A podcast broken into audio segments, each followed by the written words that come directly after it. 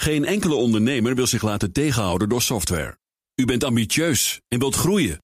Codeless vernieuwt, bouwt en onderhoudt software die altijd perfect aansluit op uw unieke bedrijfsprocessen. Zodat u de beste software heeft voor uw bedrijf en ambities. Nu, morgen en over 30 jaar. Kijk op slimsoftwarenabouwen.nl. Het is de afgelopen week bibberen voor beleggers. De AEX zakte al meerdere keren door de 500 punten. Wat dat betekent en waar het naartoe gaat, misschien nog wel belangrijker, bespreken we in het beleggerspanel. Bestaande uit Marco Groot, voormalig hoofdaandelen Rabobank International. Tegenwoordig partner bij Consultant 8 Days a Week. Jacco Heemskerk, Head of Investment bij Willis Towers Watson. En voorzitter van de beroepsvereniging van professionele beleggers CFA VBA. En Karel Merks, beleggingsspecialist bij Beleggersbelangen. En uiteraard ook nog altijd hier Marja Ruig, mijn zakenpartner van vandaag. Wij beginnen met de eerste vraag, traditioneel van dit panel. Niet te stellen aan Marco, want die belegt niet. Maar wat is jullie laatste transactie geweest? Mijn laatste transactie was het kopen van langetermijn Amerikaanse staatsobligaties. Twee redenen. Ten eerste zei de voorzitter van de Amerikaanse centrale bank, Powell. De rente ligt dicht bij het neutrale niveau, terwijl hij vroeger altijd zei: we liggen er ver vanaf. Het gevolg is dat de yield curve voor een gedeelte invers werd. Dat betekent econo economie gaat afkoelen. En als de economie afkoelt, dan stijgen de langetermijn staatsobligaties. Ja, dit moet je altijd op een uh, weegschaaltje wegen. Hè? Hoe hij dit dan formuleert en dat hij zegt... we komen in de buurt van het neutrale niveau. Er ging echt een soort opluchting door de financiële markten. Klopt, het was de dag daarna was de grootste rally in acht maanden tijd. Beleggers waren dol enthousiast. Want Jij dus ook? Begrijp ik. Uh, nou ja, ik was interessant, enthousiast omdat ik lange termijn staatsobligaties toen ging kopen. En de eerste week aan rendement is dan inmiddels binnen. Want we zijn van 3,15 naar 2,9 gegaan. En gisteren zelfs nog wat lager. Ik denk dat we uiteindelijk wel de 2% gaan zien. En dat ritje wil ik meepakken. Dat is mijn allerlaatste transactie, Thomas. Goed. Jacco. Ja, onze beleggers houden van uh, veilig en lekkere dikke marges dat kopen we ook in de, in de portefeuilles voor ze. En zo hebben we onlangs een co-investment gedaan uh, in spoorwegapparatuur, materieel. In het Verenigd Koninkrijk. Nou, kan je daar iets specifieker over zijn? Spoorwegmaterieel? Nou ja, dan heb, dan heb je het dus over alles wat, uh, wat de spoorwegen bezighoudt. Van, uh, van slagboompjes naar, uh, naar spoorrails, et cetera. Wat was de bedrijfsnaam? IPE. En hoeveel weet je dan op dat moment van dat bedrijf? Of hoeveel weet je van wat je precies koopt? Nou, daar doen wij uitgebreide due diligence naar. Uh, dus voordat je erin stapt uh, heb je heel wat te onderzoeken. Daar hebben we ook hele teams die dat doen. En niet alleen de transactie zelf, maar ook de documentatie die eromheen zit. En dit maakt het zo veilig omdat we ook in de toekomst gebruik blijven maken van het spoor en er treinen overheen moeten. En omdat de overheid dat ook gedeeltelijk weer garandeert. Ja, het is gewoon niet helemaal vrije markt. helemaal niet. Ja. Helemaal niet zelfs. Goed, en Marco, ja, kan je overslaan toch? Of is er iets veranderd? Nee, er is uh, nog niets veranderd. Nee. Goed. Het enige wat ik wel interessant vind, en dat ligt een beetje in het verlengde van. Zo, ik ben je naam kwijt. Karel. Ja. Karel. Um, uh, de, de ledencertificaten van bijvoorbeeld Rabobank... die, die, die gaan vrij hard uh, terug op het ogenblik. En het rendement is volgens mij een procent of zes op het ogenblik. Dus dat zijn best interessante vehicles. Maar ben jij niet bang, want de ledencertificaten bewegen precies mee als Europese banken. Dus die ja. kan je over elkaar leggen bankaandelen dit jaar 40% naar beneden. Onzekerheid over brexit, onzekerheid over Italië, onzekerheid over Turkije. Ja. Het zijn nog altijd achtergestelde leningen. Dus mocht er een probleempje zijn in de Europese bankwereld... zijn de eerste leningen die dan worden afgeschreven bij een eventuele bail-in. Ja, ik maak me daar niet zoveel zorgen over. Dus. Gelukkig maar. En dat is de reden waarom ik het noem. Goed, dan gaan we naar uh, iets waar je misschien wel zorgen over zou kunnen maken. Of waar beleggers zich uh, zorgen over zouden moeten maken. Namelijk, uh, de AEX worstelt al dagen om stand te houden boven de 500 punten. Vandaag wel, geloof ik, hè? 502. Ja, precies. Um, wat is de verklaring voor dat slechte sentiment? Nou ja, eigenlijk uh, als je om je heen uh, luistert... dan verwacht iedereen dat er ergens in de nabije toekomst... dat het uh, minder zal gaan. Hè? Dus mensen hebben het over een bear market en wanneer die dan komt. En ik denk dat mensen daarvoor op uitlopen... en dat ieder, ieder tegenwind dat er in de markt is... dat dat leidt tot lagere koersen. Ja, nou, ik vraag het ook omdat Powell, hier eerder al voorbij gekomen... toch nog niet zo heel erg lang geleden zei... we staan aan de rand van een uniek tijdperk. Het gaat deze keer echt anders. We staan altijd aan de rand van een uniek tijdperk. Mooi, goed. Dat tegeltje dat, uh, is binnenkort in productie. Uh, Marco, jij schreef ook over de toekomst die ons wacht. Geen kille recessie, maar een normalisatie. Ja, ik denk, Wat bedoel je daarmee? We zijn de afgelopen tien jaar heel hard gegroeid. Um, er is heel veel nieuwe technologie geïntroduceerd. Uh, je ziet het alleen al, om het even heel dichtbij te houden in, uh, in de economie in Nederland... en vooral in de Randstad, is de vraag naar personeel... vooral in techniek en logistiek fenomenaal. En die groei hebben we de afgelopen tien jaar meegemaakt. Je hebt een nieuwe uitvinding nodig om naar het volgende niveau...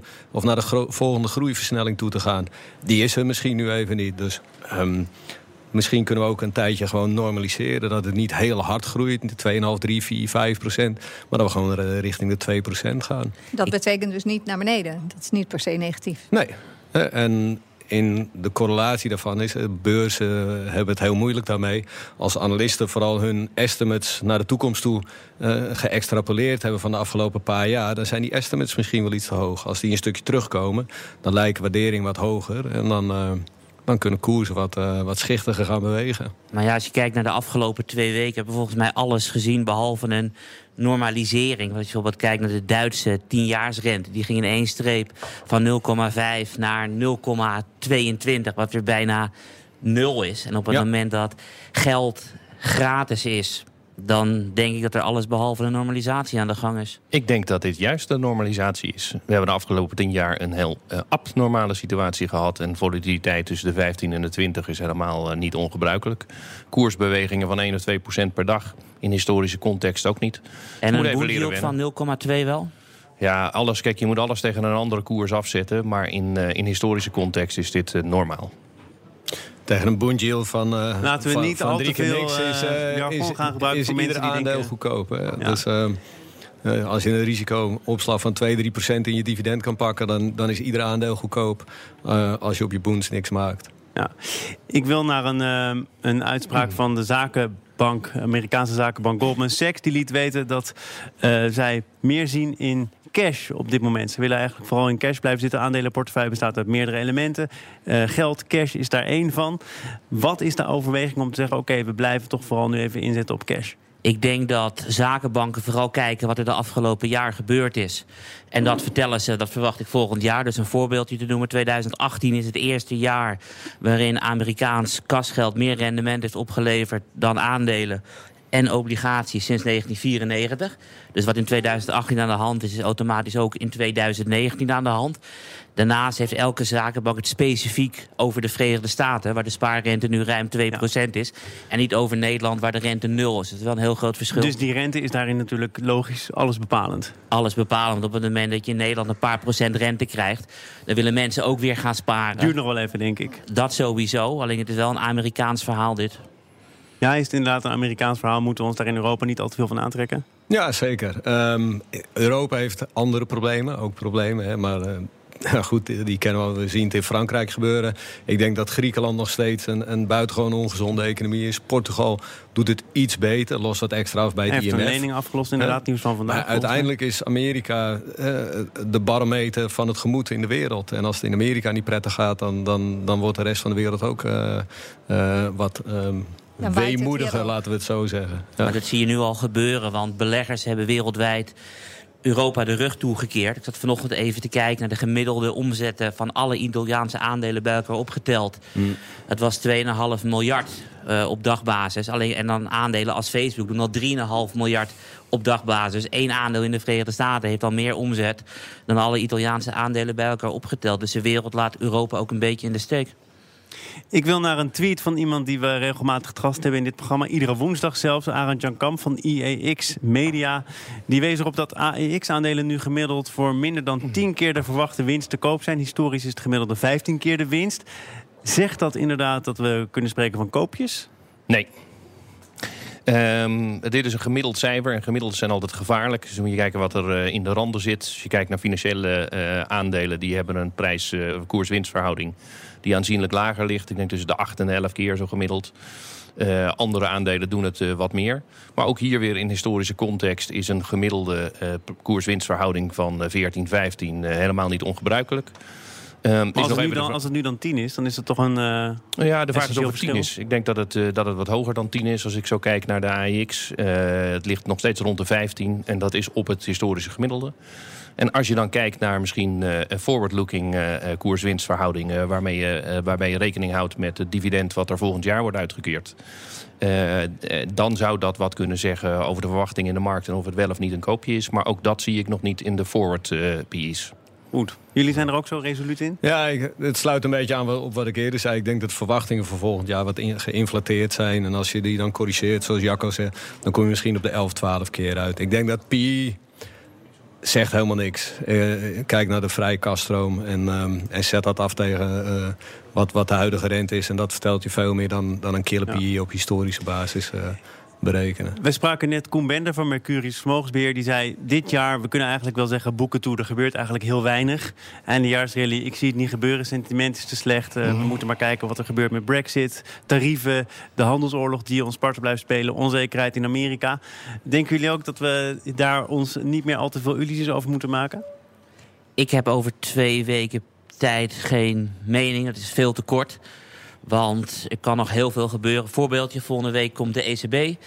En de ECB heeft altijd gezegd... in december gaan we stoppen met quantitative easing. Dus het bijdrukken van geld om assets te kopen. Aandelen, of uh, obligaties moet ik zeggen.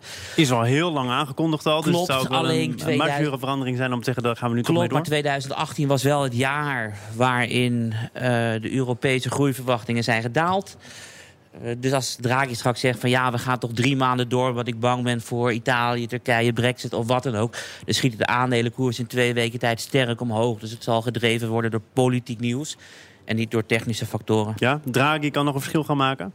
Ja, zeker. En begin dit jaar, uh, volgens mij was het in de derde week van januari... toen kregen we een, een enorme klap dat was ook het moment dat de ECB ook daadwerkelijk stopte met kopen. Dus het stoppen met kopen had direct invloed op het renteniveau... en direct invloed op de effectenbeurs. Ja, ik denk dat we nog een, eh, een, een, dag of wat te gaan hebben. Misschien tot het einde van deze week. En dan zijn de boeken toch echt wel redelijk dicht. Dan is de handel heel dun. En uh, ja, als er dan nieuws in de markt is... dan kan op hele dunne handel de prijs behoorlijk uitschieten. Dus uh, de ene en de andere kant op. Het beleggerspanel is te gast en dat bestaat uit Jacco Heemskerk, Head of Investment bij Willis Towers Watson en voorzitter van de beroepsvereniging van professionele beleggers, CFA VBA. Karel Merks, beleggingsspecialist bij Beleggersbelangen en Marco Groot, voormalig hoofdaandelen Rabobank International en tegenwoordig partner bij Consultant 8 Days a Week. Mijn zakenpartner is Marja Ruigrok en we gaan het hebben over mogelijke beursgangen van Airbnb, Slack, Uber, Softbank en Lyft. Zouden allemaal in het verschiet uh, liggen, ondanks de roodgekleurde borden. Is dat iets om naar uit te kijken, Jacco, gaat jouw hart daar sneller van kloppen? Ja, daar gaat mijn hart altijd sneller van kloppen, want uh, dat is spannend. Uh, Zo'n beursintroductie, dat heeft ook een beetje romantiek om zich heen. Uh, dan stap je ergens in waarvan je nog niet weet wat het is. dat zit vol met valkuilen. En, en, met name in deze markt waar het er toch spannend aan toe gaat... Ja, is de vraag of je dat moet doen. En wat is namelijk een ideale markt waar je in zou willen instappen? Kijk ook eventjes naar mijn collega's hier. Maar dat zou voor mij betreft toch een, een, een markt zijn... waar weinig uitslagen in de koersen zijn en die uh, zo langzamerhand een beetje stijgt. Dat is een veel veiliger markt dan een markt met heel veel volatiliteit en een dalende trend. We hebben namelijk ook bedrijven gehad de afgelopen periode die van plan waren naar de beurs te gaan, die daar ter elfde uren van afzagen. Ja, leaseplan. Wat bijvoorbeeld, uh, wat beweegt dan Uber om te zeggen: nee, we gaan juist nu serieus werk maken van zo'n beursgang? Ja, dat is een goede vraag. Ik denk dat er uh, een groot verschil is. Ten eerste, uh, Uber is een Amerikaans bedrijf. En Amerikaanse aandelen staan nog in de buurt van de all-time high. En uh, Nederlandse aandelen zijn heel ver weg van de all-time high. Dus het marktsentiment in de Verenigde Staten is veel beter dan het marktsentiment in Europa en in Amsterdam. En ik kijk er persoonlijk ook naar uit, omdat de geschiedenisboekjes vol staan met IPO's en uh, dus bedrijven die naar de beurs gaan. En fusies die op de verkeerde tijd van de markt zijn gekomen. Ik wil graag vier voorbeelden noemen. Ik heel, vier, heel snel. Tempo. 2000, technologie CBL. Uh, beurs uh, America Online fuseert met Time Warner. 165 miljard ging helemaal mis. Toen kwam de kredietcrisis eraan in 2007. Op de top van de markt Blackstone private equity partijen precies op het juiste moment naar de beurs. Waarom? Je geeft de aandelen aan iemand anders en jij kan cashen. 2011, de top van de grondstoffen markt. Uh, Glencore ging naar de beurs, precies top van de markt. We hebben nu afgelopen jaren gezien dat vier aandelen fantastisch gepresteerd hebben. Facebook, Apple, uh, Netflix en Google. De FANG-aandelen. Mhm. Dus deze boelmarkt eindigt ook met een klapper. En dat is wanneer Uber naar de beurs komt. Wat waarschijnlijk de grootste beursgang ooit is. Dus dit soort spectaculaire in de geschiedenis zijn vaak draaimomenten en geen koopmomenten. 120 miljard, daar wordt het bedrijf op gewaardeerd. Voor de goede orde nog nooit winst gemaakt, als ik uh, goed ben ingelicht. Precies, Klopt. ja. Waar komt zo'n waardering dan vandaan? Is dat alleen maar belofte? Is dat technologie? Is dat de hoop dat het iets groots Ja, mag wordt? ik één stapje terug doen? Zeker. Ehm, de voorbereiding voor een beursgang duurt een jaar. Hè? Dus op het moment dat de FANG-aandelen naar hun toppen toestegen... als op dat moment dat idee ontstaat... dan kunnen die toppen nog best een stukje wegleggen. hè. Dus intern is het een maand of zes proces van gaan we ermee beginnen. Dan is het drie, vier, vijf maanden onderhandelen met investmentbanks... en dan heb je nog twee, drie maanden voordat je naar de beurs toe gaat. Maar er is Dus dat al gelekt? Ze al een bezig. Ja. Ja. maar het is niet lekker. naar voren gehaald. Je, je, je moet het altijd eh, zeggen op een gegeven moment. Je kan het, eh, er is een moment waarop je het intern niet meer eh, binnen de bestuurskamer kan houden. Dus dat proces is al een tijdje aan de gang. Terug naar jouw vraag, waar komt zo'n waardering vandaan? I don't know. Eh, Volgens mij heeft het bedrijf, als het 6 miljard, het laatste wat ik gezien heb is 6 miljard omzet.